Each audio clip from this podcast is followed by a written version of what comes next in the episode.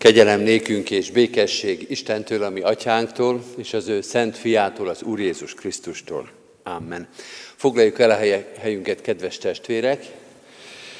Talán kevesen ismerik az új garai lelkésznőt, eh, aki nemrég gará, eh, kezdte el szolgáltat Garán, úgy hívják, hogy Bodnárné Nagy Marianna. Marianna. Biztos kevesen ismerik, de abban biztosak lehetnek mindannyian, hogy nem ő fog ma prédikálni, mert azt eh, Sajnos be kell jelentenem, hogy most ő sem tudott eljönni, valószínűleg ugyanamiatt, ami miatt tegnap Pető Dénes nem tudott eljönni a szolgálatba. Ez a betegség most ilyen mértékben is érinti a lelkészi kart. Gondoljunk Nagy Marianna lelkésznőre szeretettel és imádságba, hogy gyógyuljon meg mi hamarabb, és ne legyen semmi gond vele. Most egy, e, ismét én fogom hirdetni Isten igéjét, de szeretettel gondolunk az új kolléganőre, és megértük neki telefonon, hogy ha meggyógyul és lesz újabb alkalom, akkor meghívjuk Kecskemétre, és megismerkedünk vele, meghallgatjuk a szolgálatát. Készüljünk Isten igének a hallgatására a 284. dicséretünkkel, azzal az énekkel, amelyet minden este énekeltünk, most már biztosan jól ismerjük, ezt a szép dallamot és szöveget. A 284. dicséretnek az első verszakát énekeljük, és utána az 5., 6., 7. és 8. verszakokat. Áldjuk a Nagyisten jóságát, magasztaljuk irgalmasságát.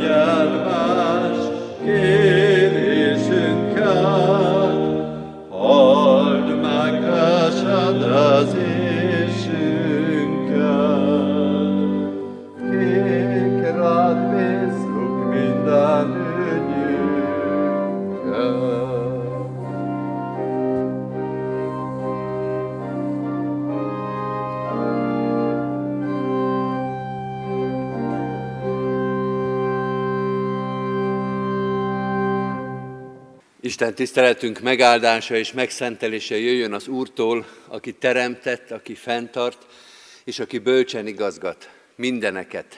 Amen. Hajtsuk meg a fejünket imádságra. Mennyei atyánk, segíts nekünk rád figyelni és rád hangolódni. Akkor is nehéz rád figyelni, amikor hosszú-hosszú szünet után egyszer csak megszólal a hangod, de néha akkor is nehéz komolyan venni az igét, amikor tele vannak vele a hétköznapjaink, mert megszokottá, rutinossá válhat az igét közelsége.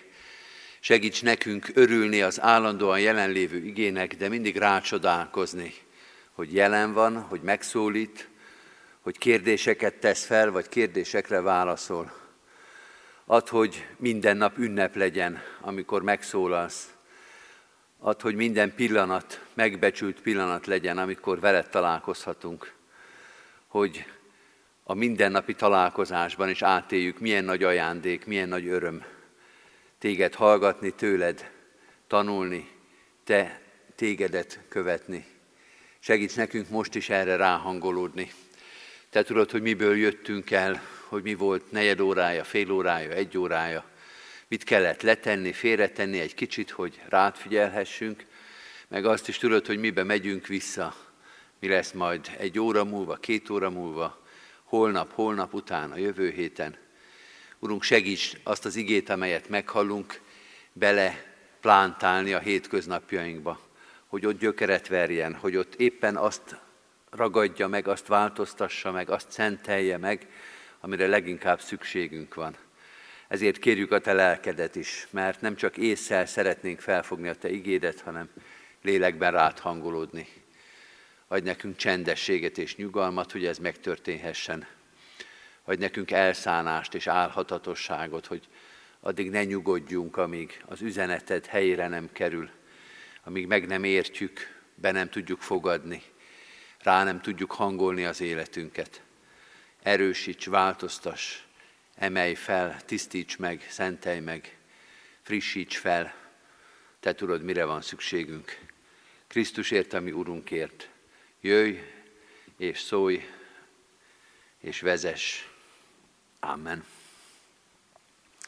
Kedves testvérek, Isten igéjét Máté evangéliumának a 13. részéből olvassuk ma is, most a 47. verstől az 50. versig a következőképpen. Hasonló a mennyek országa a tengerbe vetett hálóhoz is, amely mindenféle halat összegyűjt. Amikor megtelik, kivonják a partra, és nekiülve a jókat edényekbe gyűjtik, a hitványakat pedig kidobják. Így lesz a világ végén is. Eljönnek az angyalok, és kiválogatják a gonoszokat az igazak közül, és a tüzes kemencébe vetik őket, ott lesz majd sírás és fogcsikorgatás. Eddig Istennek írott igéje, foglaljuk el a helyünket. Kedves testvérek, ezen az adventen, az advent előtti héten az igehirdetés sorozatunk Máté evangéliumának a 13. részéből vette ezt a híres hét példázatot Isten országáról. A hírnév nem annyira a példázatnak, meg az Isten országa témának szól, mert hogy Jézusnak sok-sok példázata van, ennél sokkal több, és gyakorlatilag szinte mind ugyanerről szól, Isten országáról, vagy Isten országának a tagjairól. A külön hír az tulajdonképpen ahhoz tartozik, hogy Máté 13-ban, ebben a bibliai fejezetben össze van gyűjtve hét példázat, némelyiket Jézus meg is magyarázza, van egy-két magyarázó kis bekezdés is, de tulajdonképpen ez önmagában Máté evangéliumának a 13. része az egy példázat gyűjtemény, hét példázat van benne, a magvető, a búza és a konkoly példázata, a mustármag, a kovász, az elrejtett kincs, az igaz gyöngy, és most a háló, a kerítő háló példája.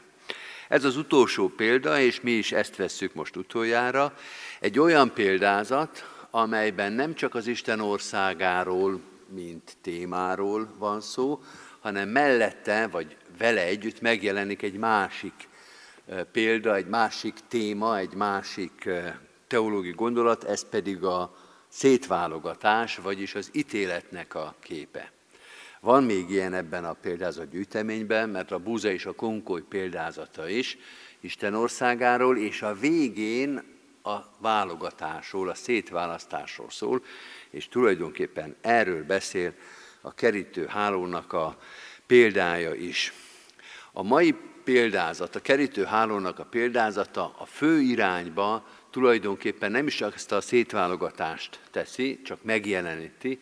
A fő témája az azt mutatja be, a fő gondolata azt fogalmazza meg, hogy Isten országa ebből a szempontból, vagy valamilyen szempontból két fázisra bontható. Két szakasz, két fejezet, két fázis jelenik itt meg.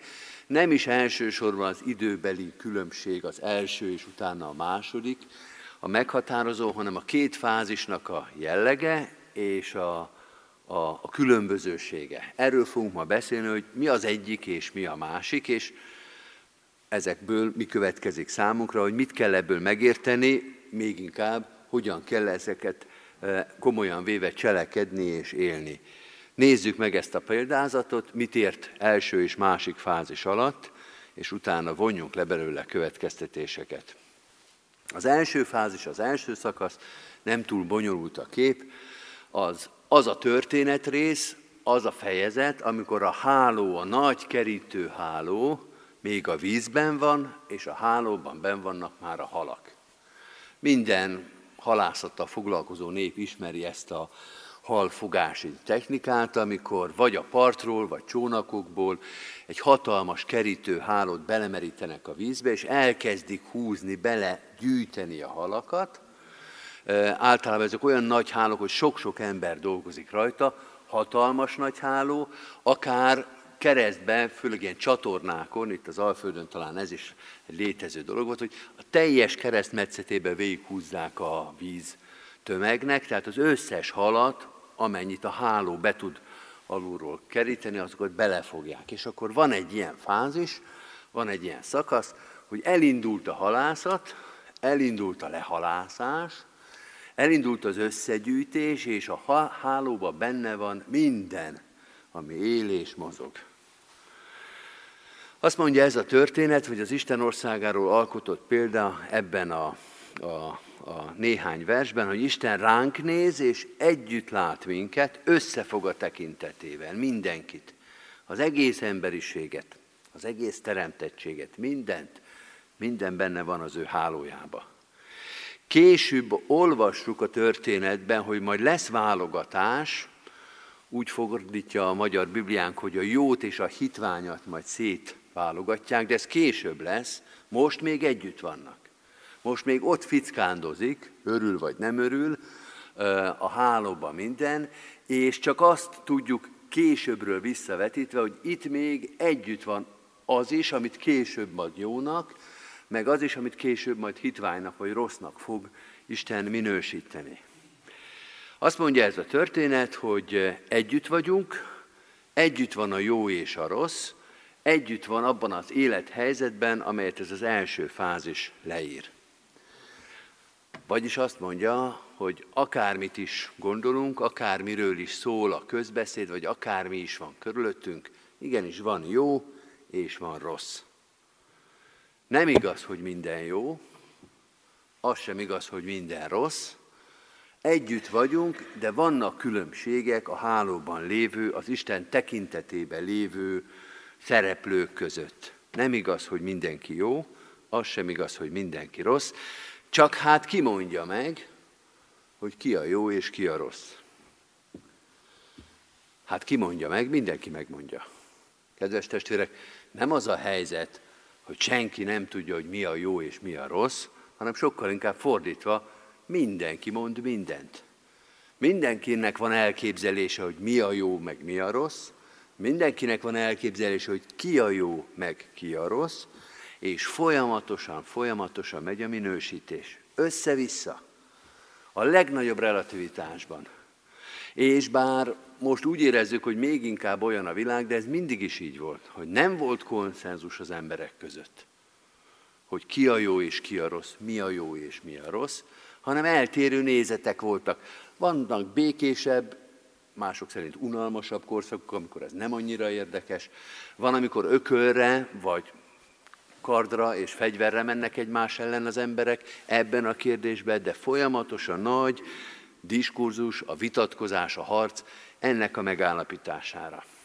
Van, amikor úgy érezzük, hogy körülbelül megvan, hogy ki mit gondol jónak, és hogy mit tekintünk jónak, és mi az, amit rossznak tekintünk. Van, amikor meg úgy érezzük, hogy minden fölborul, és már semmiről nem lehet tudni, hogy akkor ez most jó vagy rossz.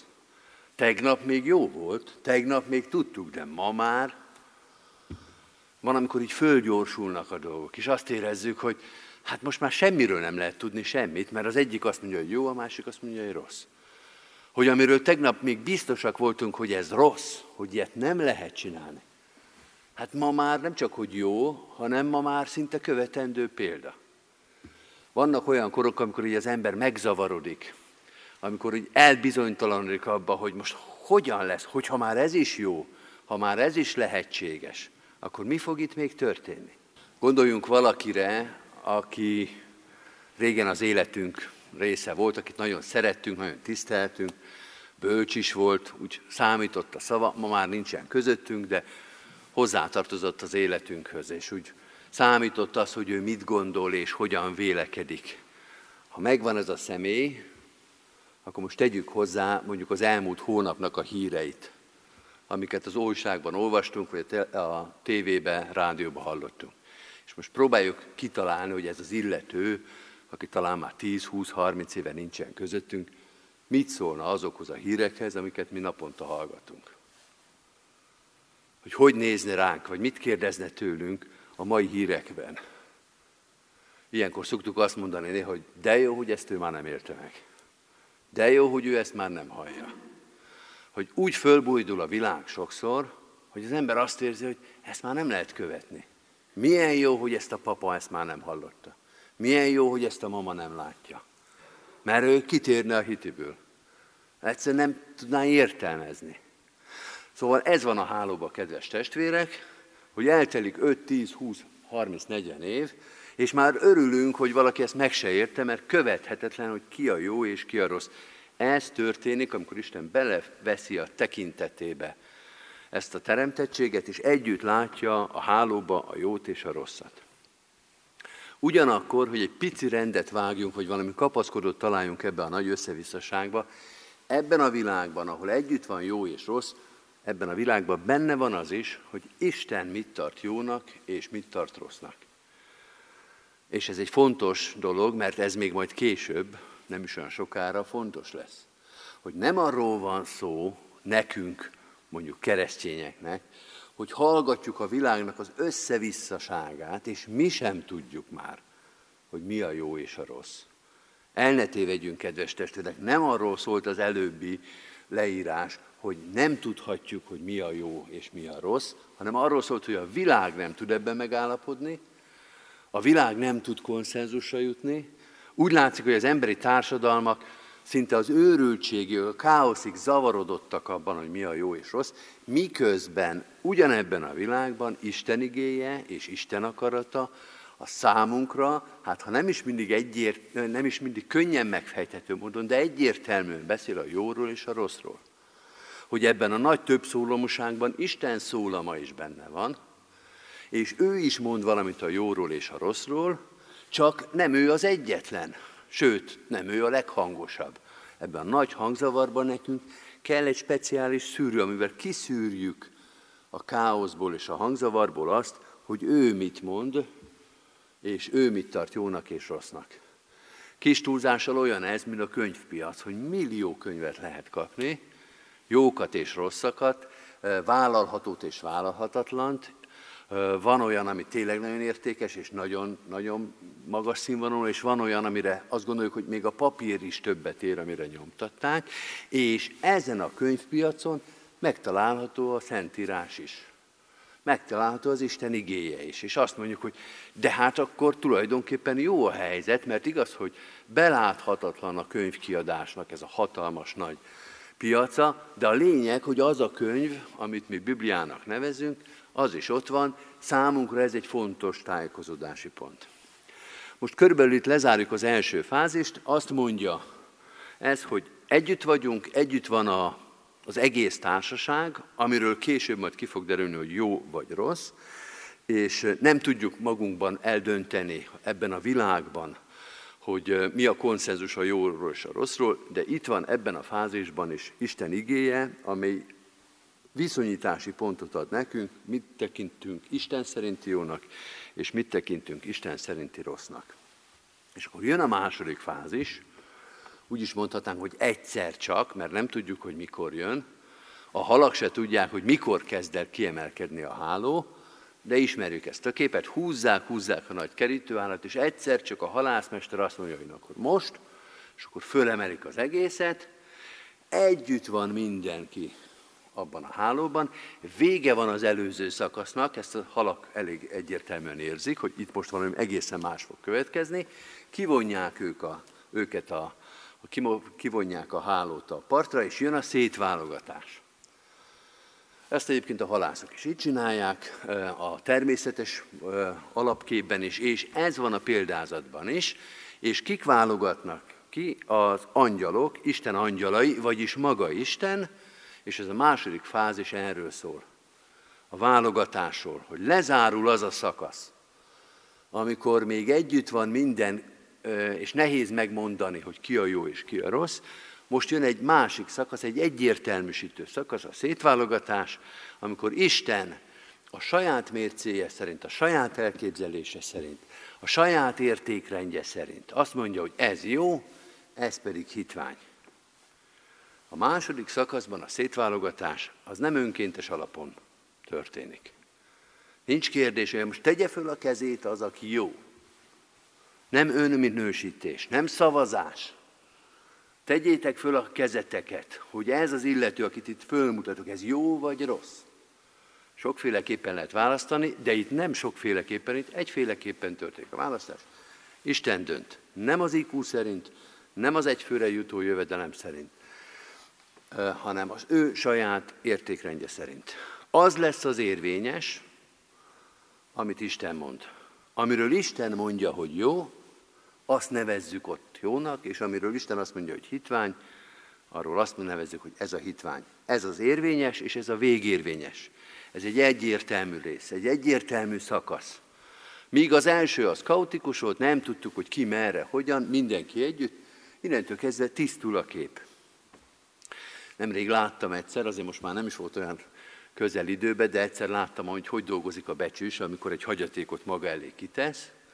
Ott vannak a különböző fémtárgyak, mondjuk, hogy aranytárgyak, ránézésre aranytárgyak, ránézésre aranyok is, ránézésre mind arany volt, és a becsős munkájának a végén volt két kupac, amelyik tényleg arany volt, és amelyik pedig csak úgy nézett ki, mint arany lett volna, mert a becsősnek van egy viszonylag egyszerű, látványos módszere, megkapargatja, van egy kis ö, vegyület, azt rácsöppenti, és ott egyértelművé válik a dolog és egyébként teljesen mindegy, hogy korábban ki mit gondolt arról a gyűrűről, vagy fülbevalóról, onnantól kezdve az lesz az érvényes, hogy melyik kupacba kerül.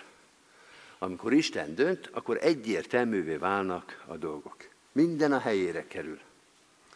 Minden a helyére kerül, tehát a második fázisban ez az egyik lépés, hogy Isten eldönti, hogy hova kerüljünk. A másik, gondolat, amit ez az ige mond, hogy ott már nincsen változtatás. Ott már nem lehet átmenni egyikből a másikba. Ott már nincs olyan döntési lehetőség, hogy akkor én most inkább ide, vagy inkább oda tartozom. Ott már Isten szétválasztotta a dolgokat. Jó néhány évvel ezelőtt egy nyáron a családunkban volt egy közös nyaralás, és ott sok gyerekkel együtt egy ilyen csapatjátékot játszottunk, két csapatot kellett alkotni. És a két csapat ilyen ügyességi játékszerű volt, egymással versenyzett, egymással játszott, és az én kislányom, aki még nem látta át a világnak ezt a bonyolultságát, ő is választott egy csapatot, és beült az egyik csapatba, és elkezdtünk játszani, és a másik csapat, nem amiben ő játszott, a másik csapat elkezdett látványosan elhúzni. Már a harmadik körben nekik volt tíz pontjuk, az ő csapatának, ahova ő választotta magát, ő neki még nem volt egyetlen pontja se. És a Lili a legnagyobb őszintesége megkérdezte, hogy nem lehetne most átállni a másik csapatba? Mert most már látszik, hogy ott kéne játszani, az lenne a jó csapat, hát ha még lehetne változtatni.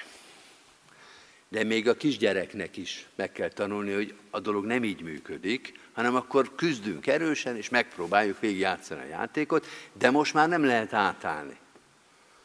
És így lesz majd ebben a helyzetben is, hogy ott nem lehet megkérdezni az Úristen, hogy nem lehetne átállni a másik csapatba? Nem lehetne inkább akkor oda kerülni? Hogy vannak határidők, amelyek jogvesztőek. Vannak pontok, ahol érezni kell, hogy onnantól tovább már nincsen változtatás. Ez a két fázis. Most jön az tulajdonképpen, hogy föltegyük a kérdést, mi következik ebből. Nagyon egyszerű a következtetés. Az következik, amit a 95. Zsoltár mond, hogy amíg tart a ma, addig meg ne keményítsétek a szíveteket, addig cselekedjetek. Mert ez a példázat és éppen adventben azt mondja, hogy az advent, a jelenlegi helyzet, ez a cselekvésnek az ideje.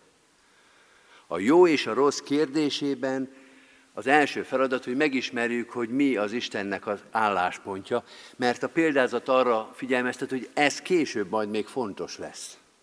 Az nem csak egy filozófiai gondolkodás, hogy mi a jó és mi a rossz. Az nem csak egy intellektuális torna, hogy próbáljuk megfogalmazni, hogy mi a jó, meg próbáljuk megfogalmazni, hogy mi a rossz, hanem az élet-halál kérdése. És amíg tart a ma, addig iskolában vagyunk, addig tanulunk, és meg lehet tanulni, mert Isten igéje itt van közöttünk. És hogyha ezt a példázatot komolyan vesszük, akkor azt mondja, hogy amíg tart a ma, addig legyen ez tiszta számotokra, hogy mi a jó és mi a rossz, mert lám később ez számítani fog. Számítani fog. Számítson, hogy mi az Isten igéje, számítson, hogy Isten mit akar, úgyhogy, ha nem este lenne, akkor azt mondanám, hogy irány a református pont, és vegyünk szentírást, és tanuljuk, és olvassuk, mert egyszer majd ebből vizsgázni kell. Ez az egyik, ez az, ami aktivitásra indít, hogy tessék megérteni Isten akaratát, mi a jó és mi a rossz.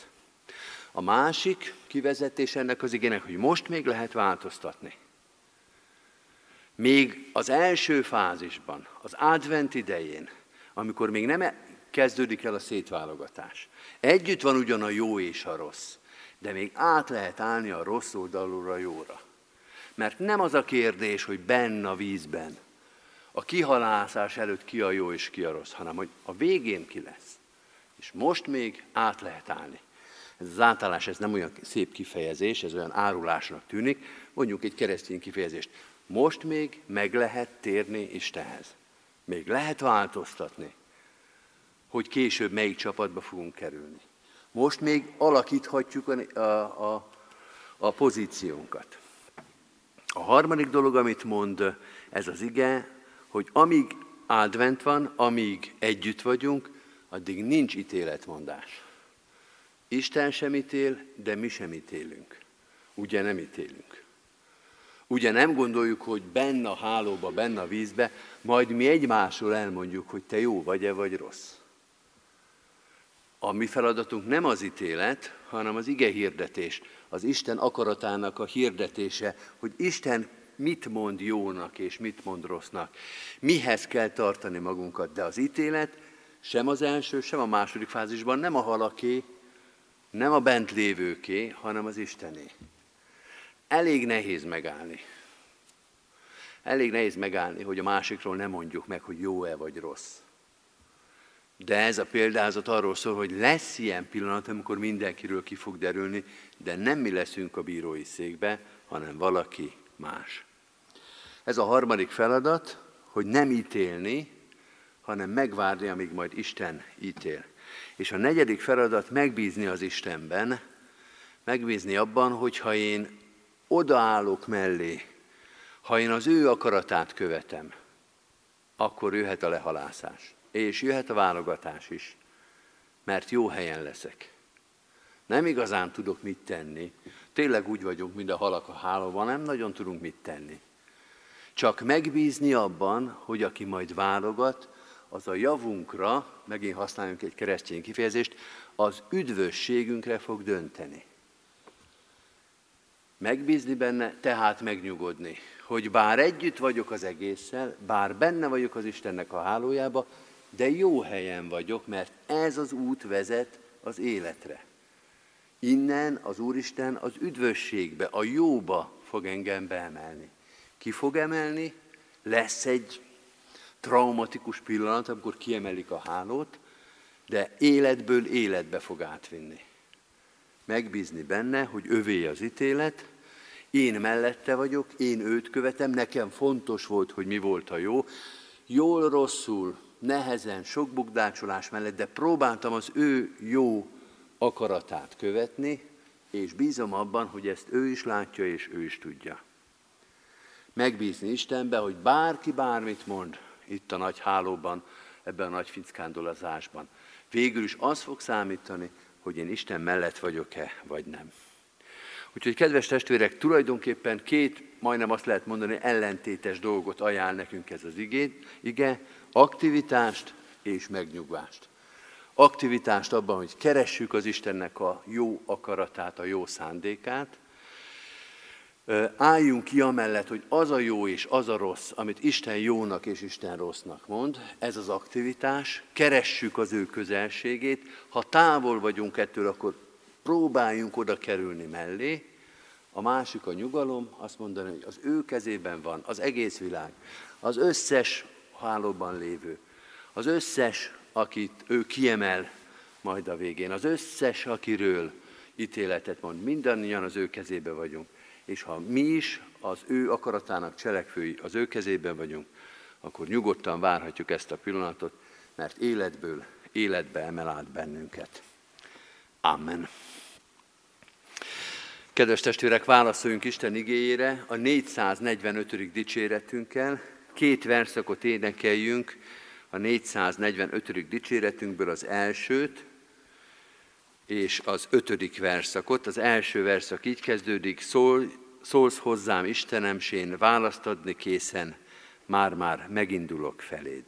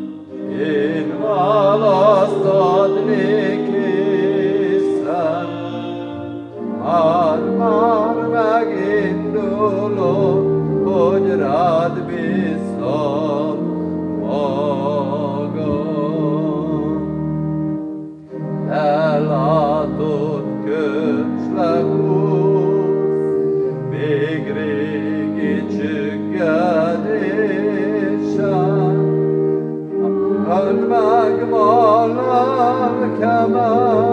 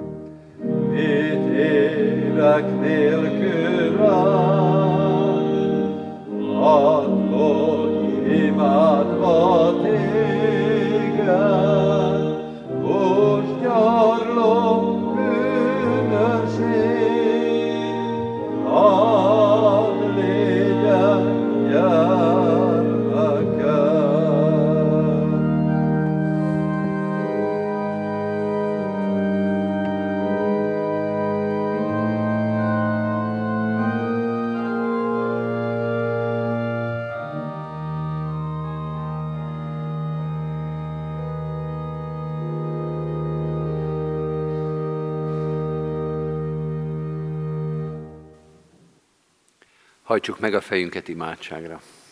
Urunk, hálát adunk az igét tisztaságáért és gazdagságáért, amely megemeli, megerősíti, kiszínezi az életünket, erőt és bölcsességet ad, eligazít a világ és az önmagunk megismerésében.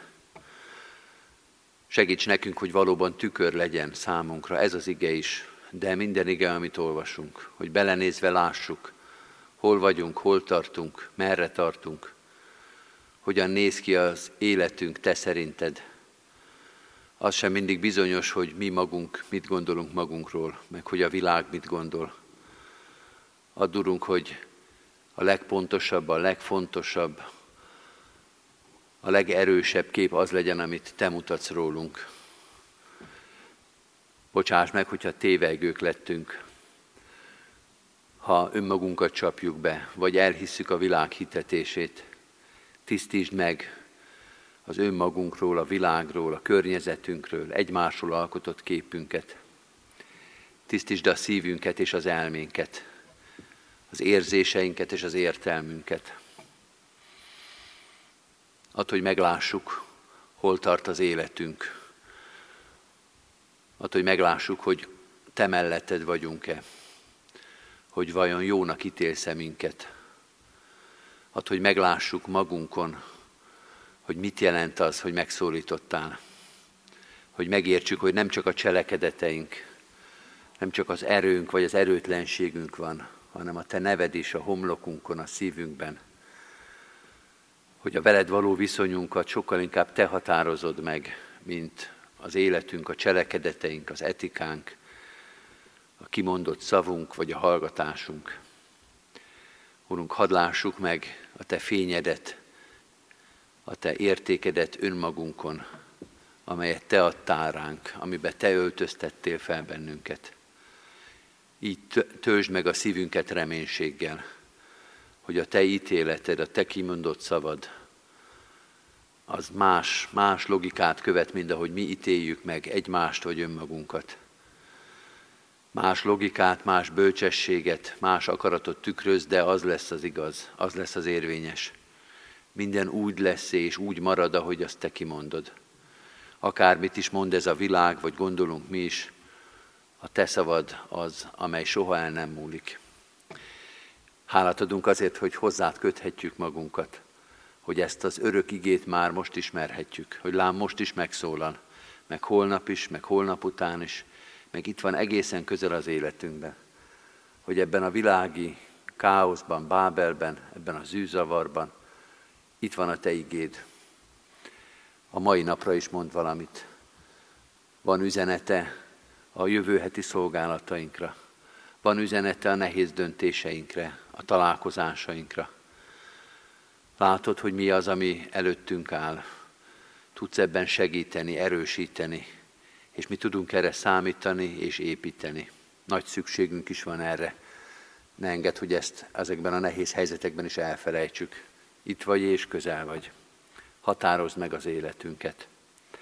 Köszönjük, hogy még tartama, hogy még közeledhetünk hozzád, hogy még cselekedhetjük az akaratodat, hogy még hirdethetjük a Te evangéliumodat, hogy még megszólíthatunk embereket, akikkel itt egy nagy közös hálóban éljük az életünket, és akiket még hozzád vezethetünk. Köszönjük, hogy van a szolgálatnak lehetősége ebben a városban, ebben az országban, ebben az időben, hogy hirdethetjük a nevedet, és szólhatunk a te szeretetedről és akaratodról hogy taníthatjuk a népeket, a körülöttünk élőket, és tanulhatunk mi is. Tégy erre minket mindig készé és alkalmassá.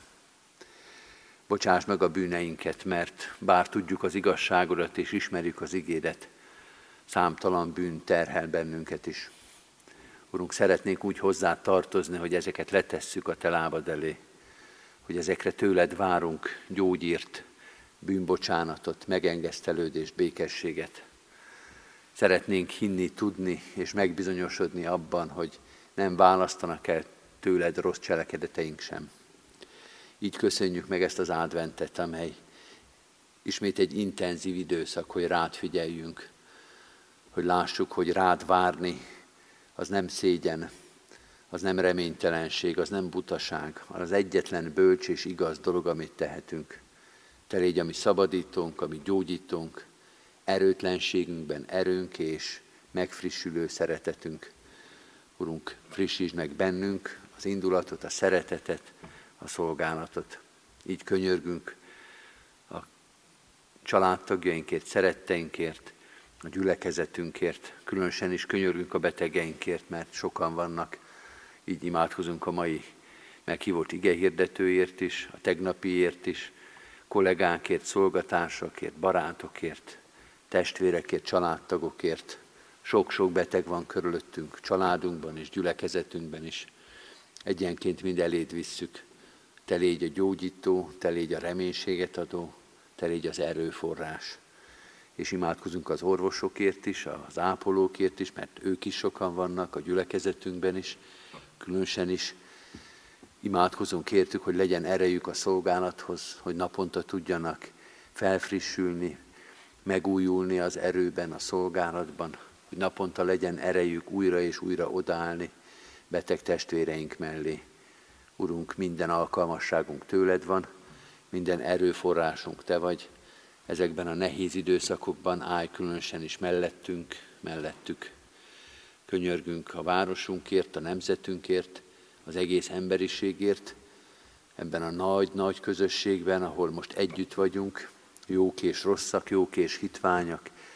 Urunk, Te légy az, aki megszentelsz bennünket, aki a jót hagyod és erősíted győzni, aki ítéletet tartosz a rossz fölött, a gonosz felett, a sátán felett. Te légy a mi szabadítónk ebben az egész emberiségben, az egész nagy közösségünkben. Hadd mutassuk fel mi is, de kérünk Te is mutasd fel Jézus Krisztus hatalmát és győzelmét, hogy ez az egész világ megtérjen, és az angyalokkal és a mennyei seregekkel együtt mi is hirdessük, Szent, Szent, Szent a seregeknek, Ura, teljes mind az egész föld az ő dicsőségével. Amen. Egy rövid csendes percbe vigyük most Isten elé imádságainkat. Amen. Az Úrtól tanult imádságot együtt és fennállva mondjuk el. Mi atyánk, aki a mennyekben vagy, szenteltessék meg a te neved.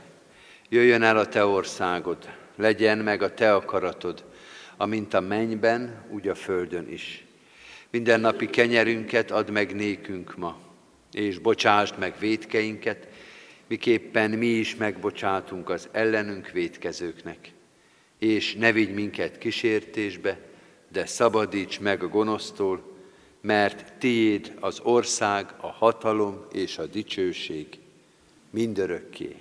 Amen. Mindezek után az Úr Jézus Krisztusnak kegyelme, Istennek, ami atyánknak szeretete, és a Szentlélek Isten közössége legyen és maradjon minnyájatokkal. Amen. Foglaljuk el helyünket, kedves testvérek! Szeretettel hívunk mindenkit a holnapi Isten tiszteletekre, a az Isten tiszteletek itt a templomban is, és az Isten tiszteleti helyénken szerte a városba úrvacsorai közösségek lesznek, így hívunk és várunk mindenkit ezekre az alkalmakra, mint advent első vasárnapján mindig, együtt várjuk az Úr Jézus Krisztus visszaérkezését, és együtt ünnepeljük a vele való közösséget az úrvacsorában.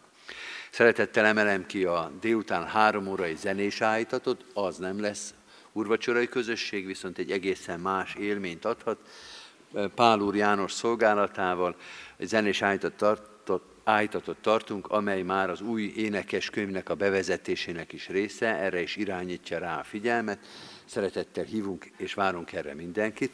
Az új énekes könyvről még annyit jegyeznék meg, hogy a 9 órai Isten tiszteleten, holnap már az új énekes könyvet fogjuk használni, a kivetítőkön is fogjuk látni, azok is tudják majd használni ezt az énekes könyvet, akiknek még saját példánya nincs. Reméljük, hogy majd minél hamarabb, minél többeknek lesz, de már azokból fogjuk énekelni azokat az énekeket jó részt, amik egyébként a régiben is benne vannak. Tehát az énekek ismertek lesznek, az ének számok nem lesznek annyira ismertek, illetve még ismertek is lesznek, csak a régiben nem azt az éneket szoktuk rá énekelni, úgyhogy most jön egy kis káosz, hogy akkor ez az énekszám, ez melyik énekeskönyvnek az énekszáma lesz. Holnap a 9-esen az új énekeskönyvnek az énekes számait fogjuk majd kirakva látni, és azokat az énekeket kivetítve. A záró énekünket keresünk a régi énekeskönyvből, a 48-as énekeskönyvből, a 305. dicséretünket. 305. dicséretünknek mind a négy verszakát énekeljük, álmélkodással csodáljuk véghetetlen szerelmed. thank you